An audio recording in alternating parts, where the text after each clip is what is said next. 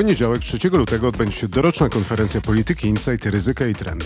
Przez cały dzień będziemy rozmawiać o niestabilności, która będzie nam towarzyszyła przez najbliższą dekadę. W otwierającej dyskusji zatytułowanej Dlaczego klimat zmienia wszystko, razem z Janą Becker zapytamy Beth Gardner, autorkę książki Uduszeni, toksyczna prawda o powietrzu, którym oddychamy, Karolinę Garcia Gomez, prezeskę IKEA Polska, premiera Jerzego Buzka oraz Mikołaja Dowgielewicza, dyrektora generalnego Europejskiego Banku Inwestycyjnego o to, jak katastrofa klimatyczna zmieni świat, w którym żyjemy. Ja nazywam się Andrzej Bowiński i zapraszam na rozmowę z naszymi analitykami w podcaście Polityki Insight Energia do Zmiany, w trakcie której opowiemy, jak my patrzymy na to zagadnienie. Tytuł otwierającej debaty na tegorocznych ryzykach i trendach brzmi Klimat zmienia wszystko. Dziś razem z Moniką Helak, Pawłem Wiejskim i Robertem Tomaszewskim rozmawiamy o tym, co to znaczy i dlaczego. Zacznijmy od postawienia tezy. Katastrofa klimatyczna będzie miała przeolbrzymi wpływ na nasze życie w najbliższej dekadzie. Zmieni nasze społeczeństwa, wpłynie na naszą politykę, doprowadzi do rewolucji w sektorze energetycznym i szerzej w przemyśle. Może zacząłem od Ciebie, Moniko, i zapytał się, czy my jako społeczeństwo mamy tego świadomość. Zdecydowanie mamy i widać to w różnych badaniach, przede wszystkim w Eurobarometrze, ale nie tylko. Wyniki pokazują, że powyżej 90% Europejczyków zdaje sobie sprawę z tego, że katastrofa klimatyczna ma miejsce. Ponad 70% uważa, że to jest bardzo poważny problem. No i rzeczywiście większość czuje potrzebę przejęcia się tym. Natomiast można powiedzieć, że jednocześnie jest problem z przełożeniem tego na Twoją tezę o rewolucji, dlatego że taki schemat działania typu wiedza, postawy, działania, działanie niekoniecznie się uruchamia. No i często mimo tego, że ludzie zdają sobie sprawę z czegoś, tak jak zdają sobie sprawę z katastrofy klimatycznej, nie oznacza, że wiedzą, co z tym robić, albo że chcą coś z tym zrobić. I to jest najpoważniejszy problem. Tu trochę przeszarżowałbym z metaforą, ale czy to nie jest tak, że wszyscy wiemy, że umrzemy, ale ogólnie o tym za dużo nie myślimy? W przypadku katastrofy klimatycznej myślę, że jest tak bardzo mocno, zwłaszcza w przypadku takich krajów jak Polska czy byłych demoludów, gdzie za bardzo nie dostarcza się obywatelom tak naprawdę instrumentów do tego, jak mogliby sobie radzić w ogóle z tym problemem. Po pierwsze, nie tłumaczy im się, co należy zrobić, a po drugie, nie widzą też przełożenia własnych działań na to, jak klimat się zmienia. No i tutaj jest wielka rola do wykonania dla polityków i wielkiego biznesu, no, który zresztą też jest wskazywany w badaniach jako ten pierwszy aktor, który powinien się odezwać.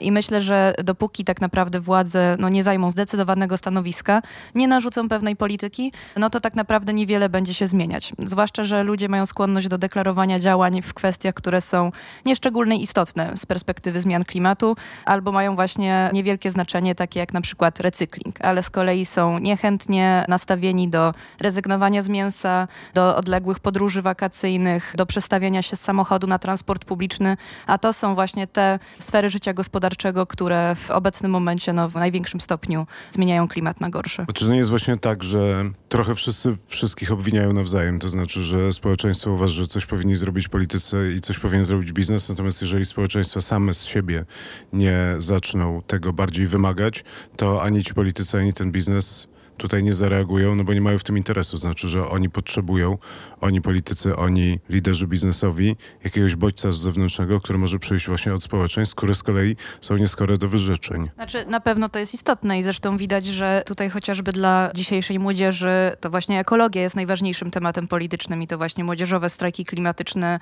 a nie na przykład protesty sądowe gromadzą osoby w wieku licealnym czy studenckim w znacznie większym stopniu, więc na pewno te trendy oddolnie też mają znaczenie znaczenie.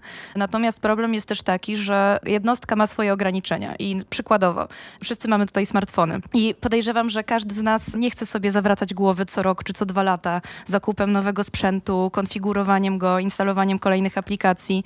Jest to generalnie męczące, nudne, zajmuje niepotrzebnie czas i nasze środki, ale jednocześnie jeśli z tego zrezygnujemy, to okaże się, że po niedługim czasie i tak nie jesteśmy w stanie korzystać z tego telefonu, bo mówiąc kolokwialnie, zamula. Dlaczego? Bo został tak zaprojektowany, żeby znowu uruchomić ten proces sprzedaży, żeby napędzać ten konsumpcjonizm. No i tutaj moja jednostkowa decyzja o tym, jaki telefon wybiorę, nie ma znaczenia, bo z grubsza tak produkuje się większość telefonów, które są jakoś dostępne na mojej półce cenowej.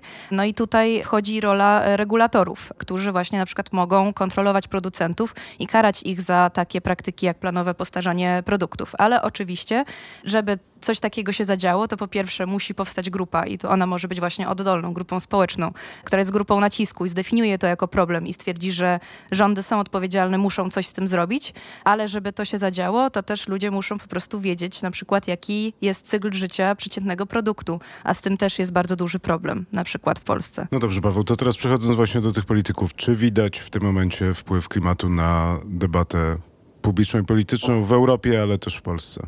A może przede wszystkim w Polsce? Przede wszystkim w Europie go widać bardzo wyraźnie, e, jeśli chodzi nie tylko o wyniki zielonych, które są imponujące, ale w bardzo niewielkiej liczbie państw. No ale przede wszystkim jeśli chodzi o postulaty i programy partii politycznych od prawej do lewej strony.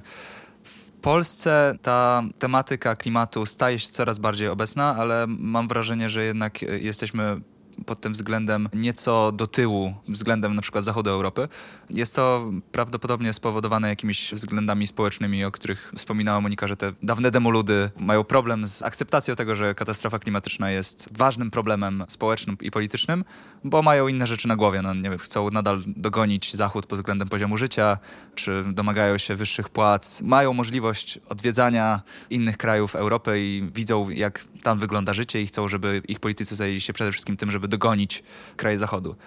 Ale jednak mimo wszystko pewne zmiany widać również w Polsce. W przeciągu ostatnich dwóch lat temat klimatu z w zasadzie nieistniejącego w sferze publicznej przeszedł na jedno z pierwszych miejsc. Jeżeli nie na pierwsze, no to na pewno gdzieś tam w czołówce. I ma to przełożenie znowu nie bardzo na wynik Zielonych, którzy wprowadzili swoją reprezentację do Sejmu, ale powiedzmy, że nadal są partią kompletnie marginalną, no ale na to, że nawet tak niekoniecznie proklimatyczna partia jak Prawo i Sprawiedliwość zdecydowała się na ten ruch powołania Ministerstwa Klimatu i jakby przynajmniej ocieplenia wizerunku polityki klimatycznej Polski, co jest spowodowane oczywiście naciskami z Brukseli, ale jest również spowodowane tym, że rzeczywiście dostrzegają te zmiany w społeczeństwie, które w coraz większym stopniu domaga się aktywnej działalności na rzecz polityki klimatycznej. No to jest też pytanie, o czym jest ta dyskusja polityczna w kwestii klimatu? To znaczy, na ile to jest tak, że po prostu rzuca się jakieś takie hasło i wiadomo, że trzeba się do niego odnieść, ale nie idą za tym żadne deklaracje, ani jakaś głębsza refleksja.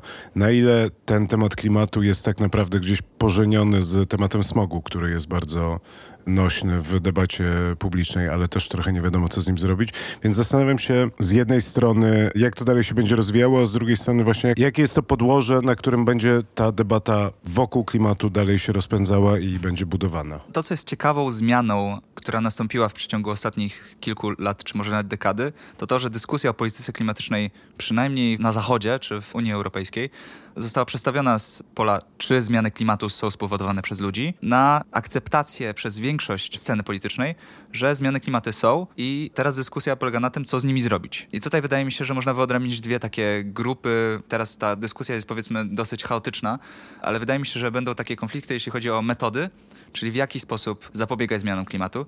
I to mogą być dyskusje na przykład o to, czy podejmujemy działania teraz, jak najszybciej chcemy obniżyć nasze emisje, czy też czekamy na rozwój technologii, który pozwoli nam może w przyszłości ograniczyć te emisje szybciej. Może to być kwestia po prostu wyboru miksu energetycznego. No teraz mamy tę dyskusję w Polsce na temat atomu, no, ta dyskusja trwa już od dziesięcioleci, ale w tym momencie w polityce klimatycznej jest to w zasadzie pytanie, czy inwestujemy w atom jako to paliwo, które ma zapewnić nam stabilność dostaw energii, czy też na przykład w gaz i traktujemy gaz jako to paliwo przejściowe, z nadzieją, że później tę infrastrukturę gazową uda nam się przerobić na przykład na czysty wodór.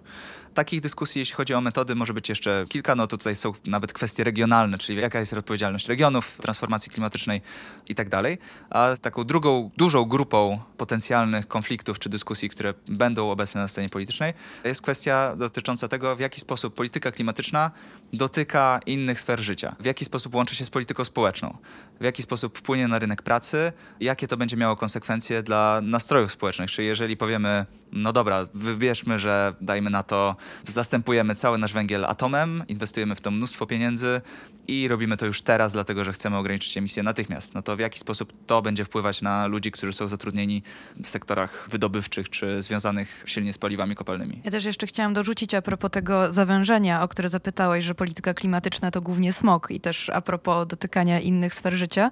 No to to jest na przykład kwestia, w której widać mocno działanie partnerów społecznych, bo smog stał się tak ważnym tematem w polskiej debacie publicznej, głównie dlatego, że powstała grupa świetnie zorganizowanych, merytorycznie bardzo dobrze przygotowanych i bardzo cierpliwych aktywistów rozsianych po całej Polsce. Mówię o Polskim Alarmie Smogowym i też o innych ruchach miejskich, które z jednej strony potrafiły działać lokalnie i skutecznie naciskać na lokalne władze, też poprzez na przykład zmiany legislacyjne, a nie tylko formułowanie postulatów potocznym językiem, tak? do czego oczywiście też partnerzy społeczni mają prawo, ale zmierzam do tego właśnie, że oni byli bardzo dobrze przygotowani, ale jednocześnie potrafili się skoordynować ogólnopolsko i w związku z tym utworzyć dużo większą siłę nacisku przez to, że mają bardzo dobrą politykę informacyjną, że ludzie o nich słyszą, że media o nich mówią.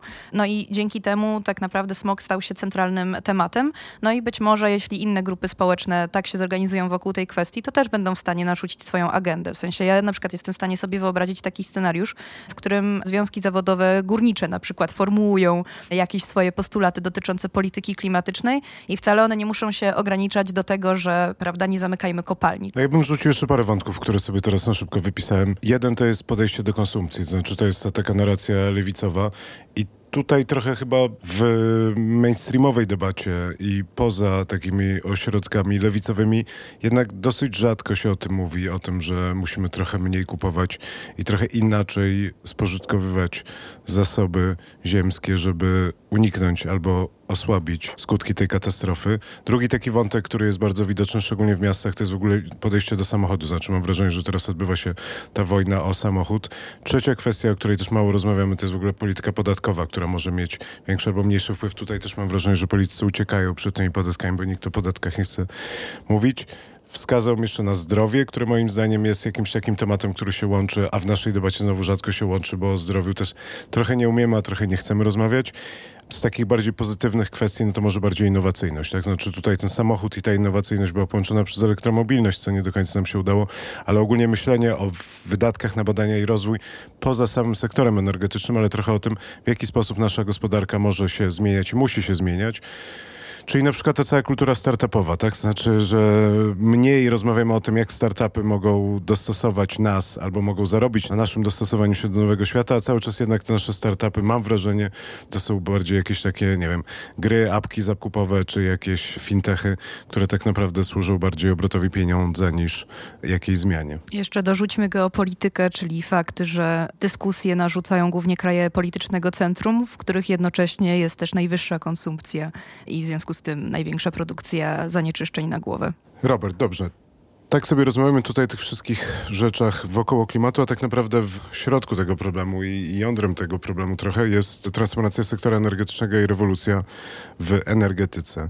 Może najpierw nakreślmy, gdzie jesteśmy, a gdzie chcielibyśmy być za powiedzmy te 10 lat. Jesteśmy w trakcie transformacji energetycznej. Ona się rozpoczęła jakiś czas temu. Ona wpadła do tej naszej debaty publicznej niedawno stosunkowo. Politycy zaczęli o tym głośniej opowiadać, ale biznes i eksperci od dawna wiedzieli, że to się musi wydarzyć. Zdeterminowane tym, co się działo w Brukseli, polityką klimatyczną, która się coraz bardziej zaostrza. I jako kraj, który jest w ponad 80% uzależniony od węgla, od początku było wiadomo, że to właśnie Polska będzie miała największy problem i techniczny, i finansowy z przeprowadzeniem tej transformacji. Więc świadomość jest, ona się pojawiła, wiemy, że musimy tej transformacji dokonać, ona się dokonuje. Pytanie jest o tempo, pytanie jest o koszty i ich rozłożenie. I tak naprawdę to, co jest jądrem tego całego problemu, to jest w jaki sposób będziemy finansować naszą transformację w kolejnych dekadach, jak wiele solidarności pozyskamy i będziemy chcieli pozyskać od naszych partnerów na Zachodzie po to, żeby tą transformację przeprowadzić. Bo oczywiście nie ma rozmowy o tym, że to my powinniśmy też ponosić część tych kosztów. I my na pewno tą część kosztów zdecydowanie większą poniesiemy, choćby ze względu na fakt, że przez ostatnie dekady inwestowaliśmy bardzo mocno w infrastrukturę, która za kilkanaście lat będzie kompletnie nam nieprzydatna. Mówię tutaj o wielkich elektrowniach konwencjonalnych, o sieciach przesyłowych gazu, o całej infrastrukturze do odbioru paliw kopalnych, to wszystko, co y, stanowiło o bezpieczeństwie energetycznym naszego kraju, ale też krajów regionu i ogólnie Unii, będzie coraz bardziej traciło na wartości, będzie tworzyło coraz większe napięcie, zarówno społeczne dla pracowników zatrudnionych w tych sektorach, a mówimy o kilkuset tysiącach osób w skali Europy. To jest około 290 tysięcy osób, które są zatrudnione w tych sektorach, które będą wyłączane, tak? czyli wydobycie węgla kamiennego, wydobycie węgla brunatnego, huty, i tak dalej.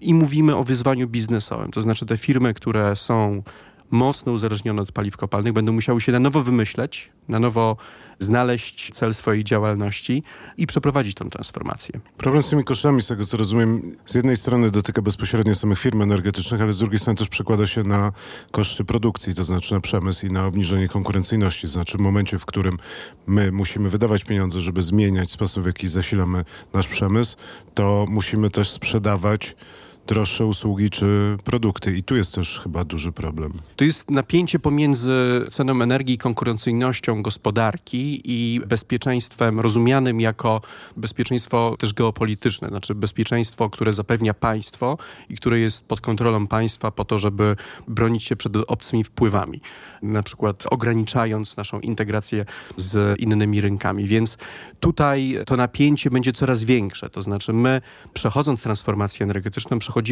jednocześnie od takiego myślenia bardzo skoncentrowanego na państwie, które właśnie odpowiada za to bezpieczeństwo, w kierunku coraz większej decentralizacji i regionalizacji. To znaczy teraz to nie państwo w kolejnych latach i dekadach będzie dbało o nasze bezpieczeństwo energetyczne, ale coraz bardziej my sami i lokalne społeczności, które nas otaczają. Więc to jest też rewolucja w myśleniu o tym, czym ma być państwo, szczególnie w naszej części Europy, która doświadczona historią i też wyrastająco z takiego pnia myślowego, mówiącego o tym, żeby budować tą niezależność na wielu aspektach, a energetyka była jednym z tych kluczowych aspektów, będzie musiała się zredefiniować. Tak? To znaczy będziemy musieli postawić na mocniejszą integrację z Zachodem w każdym aspekcie tak naprawdę naszego rynku i zgodzić się, że to bezpieczeństwo będzie współdzielone, że nie będzie tylko po naszej stronie, po stronie polskiego rządu, ale po stronie całej wspólnoty. Wracając do tych wątków międzynarodowych, myślę, że to będzie bardzo ciekawy temat w najbliższych latach. Te trudne związki między polityką klimatyczną a globalizacją czy światowym handlem.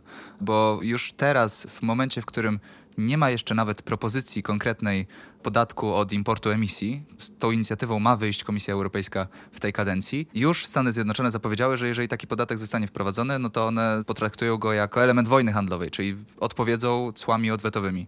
I to jest zapowiedź czegoś, co można nazwać taką zmianą podejścia Unii Europejskiej, która chce być liderem w zakresie walk ze zmianami klimatu, a jednocześnie spotyka się z takim pewnym brakiem zrozumienia i brakiem współpracy ze strony partnerów międzynarodowych. No, szczególnie w ostatnim czasie problematyczne są Stany Zjednoczone, które opuściły porozumienie paryskie, czy też są w trakcie opuszczania porozumienia paryskiego. No i właśnie tą zmianą podejścia będzie bardziej agresywne traktowanie polityki klimatycznej, czyli jeżeli nie gracie według naszych zasad, to pożegnajcie się z naszymi bogatymi konsumentami. No to jest świetny przykład, bo tutaj Unia bardzo długo starała się uniknąć tego ryzyka pojawienia się wojen handlowych, a teraz niewykluczone, że będzie musiała się zdecydować na jakiś rodzaj konfliktu handlowego, żeby realizować swoje cele klimatyczne i przekonywać też w tej bardziej siłowej wersji swoich partnerów handlowych do tego, żeby zaostrzali normy klimatyczne we własnych gospodarkach, no bo inaczej jako świat nie pójdziemy dalej w tym procesie ograniczania globalnego ocieplenia. Stany Zjednoczone to jest oczywiście osobny przypadek, bo to jest kraj rozwinięty, wysoko uprzemysłowiony i w związku z tym oni mają też duże możliwości przeciwdziałania, których nie podejmują, ale też trochę chciałam stanąć w obronie powiedzmy tych partnerów międzynarodowych spoza tego kręgu właśnie politycznego centrum, czy powiedzmy drufujących stronę politycznego centrum, no bo tu jest na przykład dużo napięć związanych właśnie ze wspomnianą konsumpcją Przykładowo w Chinach rośnie konsumpcja mięsa w związku z tym, że rozrasta się tamtejsza klasa średnia. No i oczywiście ze względu na to, że to są Chiny, no to skala od razu jest już gigantyczna, odczuwalna w skali świata. No i można powiedzieć, że z jednej strony no w ogóle jedzenie mięsa jest z wielu względów niewskazane i się przyczynia do zmian klimatu. No i Chińczycy nie powinni jeść tego mięsa, tak? Ale z drugiej strony można powiedzieć, że Europejczycy już się zdołali go najeść w międzyczasie, tak? Znaczy tutejsza klasa średnia zdołała się nakonsumować, podnieść, swój poziom życia i co jest ważne, często właśnie kosztem innych krajów, tak? Chociażby dlatego, że wielkie areały upraw właśnie w krajach tak zwanego drugiego czy trzeciego świata są przeznaczane często pod pasze dla zwierząt hodowlanych, które są później konsumowane w krajach europejskich czy w Stanach Zjednoczonych. No i właśnie tacy Chińczycy mogliby zapytać, a właściwie dlaczego my mamy teraz przestać jeść to mięso, skoro dopiero teraz staliśmy się dość bogaci, żeby móc sobie na to pozwolić. Dlaczego wy mogliście robić to wcześniej, bez konsekwencji? No i teraz wchodzę ja i mówię, bo wszyscy zaraz umrzemy. I to jest moje pytanie do was. Czy nie jest tak, że jesteśmy w tym momencie, że ta cała nasza dyskusja trochę jest drugorzędna, bo musimy zmienić sposób myślenia i musimy wyjść z tego paradygmatu myślenia, tak naprawdę trochę dwudziestowiecznego, paradygmatu wzrostu, paradygmatu dostępności wszystkiego dla wszystkich. Tego, że wy się najedliście, to teraz my się najemy. Tego, że musi być tanio, żeby można było sprzedawać. Tutaj tak naprawdę chyba trochę patrzę na Pawła i myślę o tych politykach. Czy nie jest tak, że ta osoba, która stanie i powie, słuchajcie, zbliża się olbrzymia katastrofa, którą już sobie obwołujemy, ale oczywiście też już się z nią oswoiliśmy, ale zbliża się do nas no, kryzys niewyobrażalny, wynikający na przykład z podtopień, wysuszania się Afryki, olbrzymich migracji, niedoboru wody, niedoborów jedzenia, co prawdopodobnie doprowadzi do wojny. I to jest ten moment, kiedy my musimy trochę wyrzucić to wszystko do kosza i zacząć jednak o tym wszystkim myśleć trochę inaczej i zmierzyć się z tymi problemami i ponieść tego koszty wszyscy. No i teraz wyobraźmy sobie, że jestem politykiem, który stoi przed tym egzystencjalnym zagrożeniem zmianami klimatu i mam do wyboru albo zadeklarować, że zaraz wszyscy umrzemy, więc musimy radykalnie zmienić swoje życie i zmienić sposób, w jaki konsumujemy, musimy ograniczyć konsumpcję, musimy sobie odmówić wielu rzeczy. A i tak może się okazać, że inni tego nie zrobią i, i tak wszystko pójdzie na marne. No jest to jakaś tam strategia, która być może zadziała z częścią wyborców, no ale wydaje mi się, że niestety w obecnej sytuacji trzeba używać wszystkich możliwych sposobów, żeby przekonywać ludzi do akceptacji polityki klimatycznej, ale straszenie apokalipsą niekoniecznie będzie najskuteczniejszą metodą tak po prostu z czysto psychologicznego punktu widzenia może doprowadzić do tego, że niektórzy ludzie pomyślą, no dobra, skoro apokalipsa nastąpi, no to piekła nie ma, lecimy na Hawaje i będziemy tam się obiadać wołowiną z Argentyny. A u, u części osób może po prostu jakby nie zrobić żadnego wrażenia. Jeżeli to już jest pewne, no to po co mamy się starać? Myślę, że tutaj mimo wszystko pewną rolę do odegrania będzie miała również nadzieja, czyli że ta transformacja energetyczna czy polityka klimatyczna nie ma tylko na celu zapobiegnięcia katastrofie, ale również stworzenia jakiegoś lepszego świata, w którym są mniejsze nierówności, w którym są dobrej jakości miejsca pracy, są inne względy środowiskowe, które przemawiają za polityką klimatyczną, jak na przykład ten zmieszany w Polsce z zmianami klimatycznymi problem smogu, który wiąże się pod tym względem, że rzeczywiście rozwiązując pewne problemy polityki klimatycznej możemy również ograniczyć zanieczyszczenia powietrza. No więc to może być jakaś metoda, chociaż no, ta apokalipsa z tyłu głowy pewnie też będzie potrzebna do przekonania niektórych. Mi się wydaje, że na pewno to będzie ta kombinacja tego strachu i tej nadziei w jakiś sposób determinowała tempo, w jaki społeczeństwa będą naciskały na swoich polityków, by przyspieszali te procesy. Ja tu pozostaję mimo wszystko pesymistą co do tempa tego procesu. Widzimy w mediach coraz więcej obrazków, które pokazują, że ludzie są coraz bardziej świadomi, bo ta namacalność tych zmian klimatycznych jest też coraz większa. Wszyscy obserwujemy pożary buszu w Australii, to co się dzieje w państwach Azji Południowej, czy problemy Brazylii z wypalaniem lasu, ale to jest cały czas zbyt mało, żeby przekonać tych największych do tego, żeby podjęli jedyne możliwe rozwiązanie, które zatrzymałoby ten proces, czyli opodatkowali swoje emisje. Jakby jest zgoda wśród naukowców i ekspertów, że to jest coś, co może powstrzymać globalne zmiany klimatu, ale w obecnej sytuacji, w której mamy do czynienia z pogłębiającym się kryzysem w handlu międzynarodowym, coraz większym pęknięciem między Chinami i Stanami, nie ma do tego płaszczyzny tak naprawdę. Więc to, co przyjdzie nam robić w kolejnych latach i dekadach, to jest przygotowywanie się na mitygację tych zagrożeń wynikających z zmian klimatycznych i poradzenie sobie z tym strachem, który będzie nam towarzyszył. Znosząc się na jeszcze bardziej ogólny plan, można powiedzieć, że to jest w ogóle pytanie o możliwość nowej polityki międzynarodowej, która będzie uniwersalistyczna i bardziej solidarnościowa. No bo teraz na razie mamy taki klimat, prawda, że niech na całym świecie wojna, byle polska wieść spokojna. No i można sobie też wyobrazić taki świat, w którym ta katastrofa klimatyczna postępuje i niektóre kraje będą wdrażać jakieś środki zapobiegawcze i być może nawet lokalnie coś się będzie udawało zrobić, no bo też wiemy, wiemy, że zmiany klimatu będą miały asymetryczne skutki dla różnych części świata. No tylko co z tego, jeśli się okaże, że na przykład Unia Europejska, i tutaj powiem ostro, zmieni się w strukturę, która stawia zasieki na granicach i strzela do uchodźców klimatycznych z tych murów.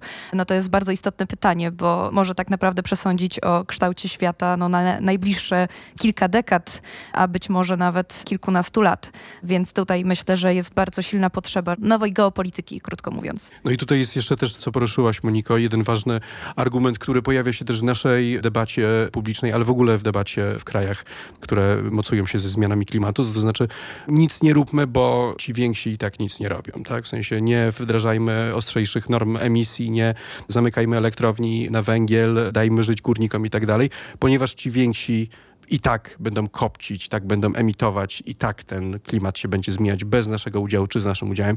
I tak naprawdę ten argument pojawia się w Polsce, pojawia się w Niemczech, pojawia się wreszcie w Chinach, więc wszyscy używają tego argumentu, w efekcie czego cały ten proces nie może ruszyć. No więc słuchając was, ja sobie myślę, że to wszystko zmierza w złym kierunku, co chyba wiemy, ale mam wrażenie, że połączenie strachu i nadziei, o którym ty mówisz, Paweł, to z tego równania wychodzi obojętność. To znaczy, jak łączysz sobie strach i nadzieję, to sobie myślisz, no jakoś to pewnie będzie, tak?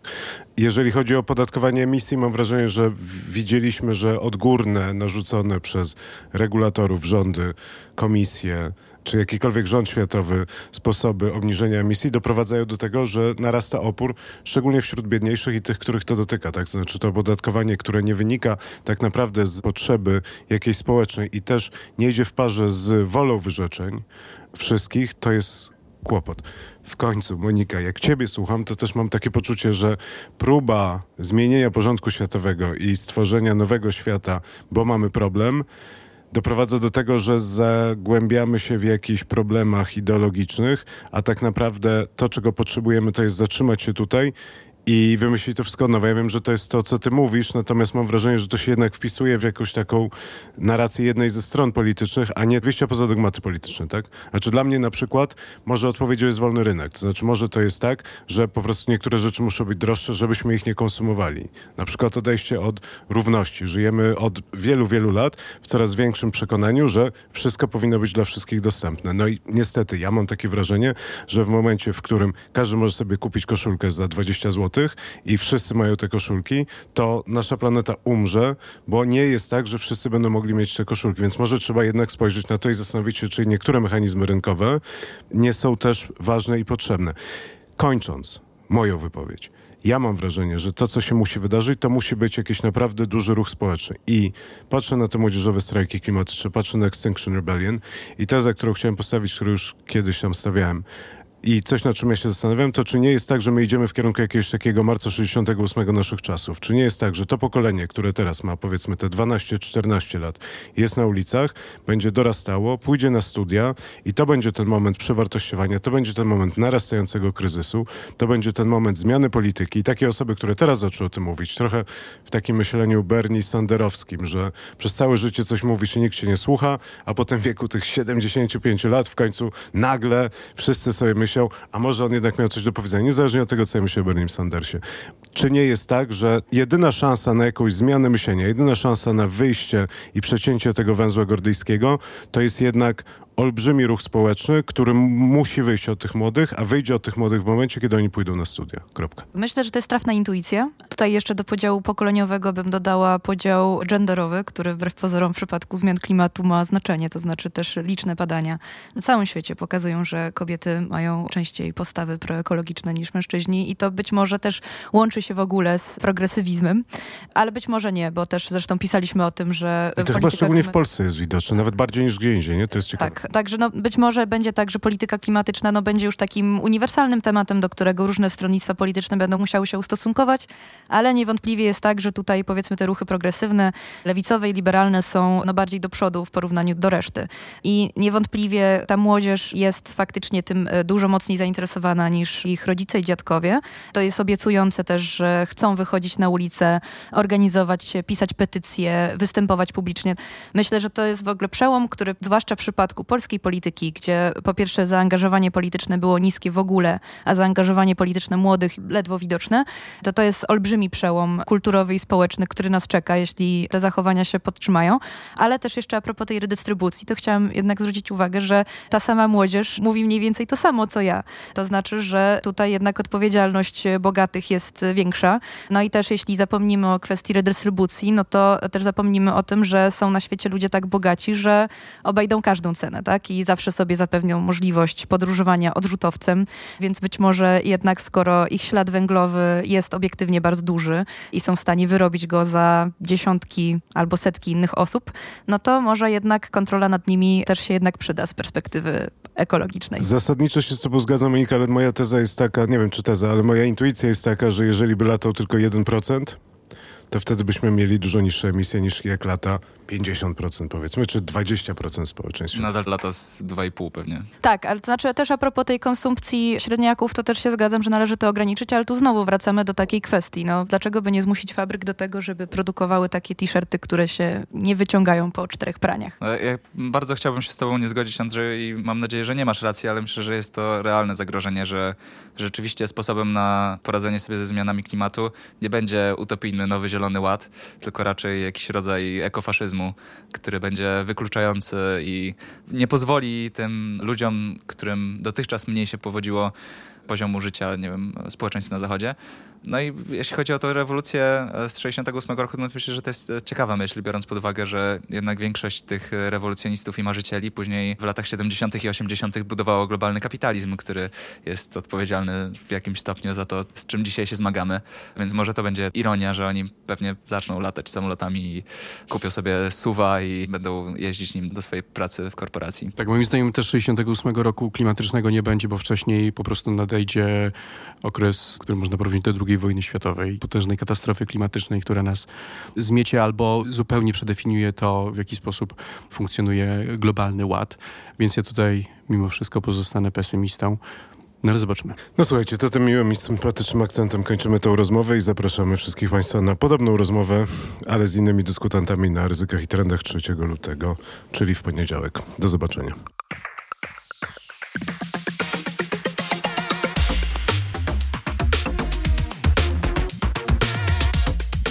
Dziękuję bardzo za Państwa uwagę. Jeżeli chcecie dowiedzieć się więcej i usłyszeć, co nasi paneliści mają do powiedzenia na ten temat, wejdźcie na stronę politykainsight.pl i zarejestrujcie się na konferencję Ryzyka i Trendy.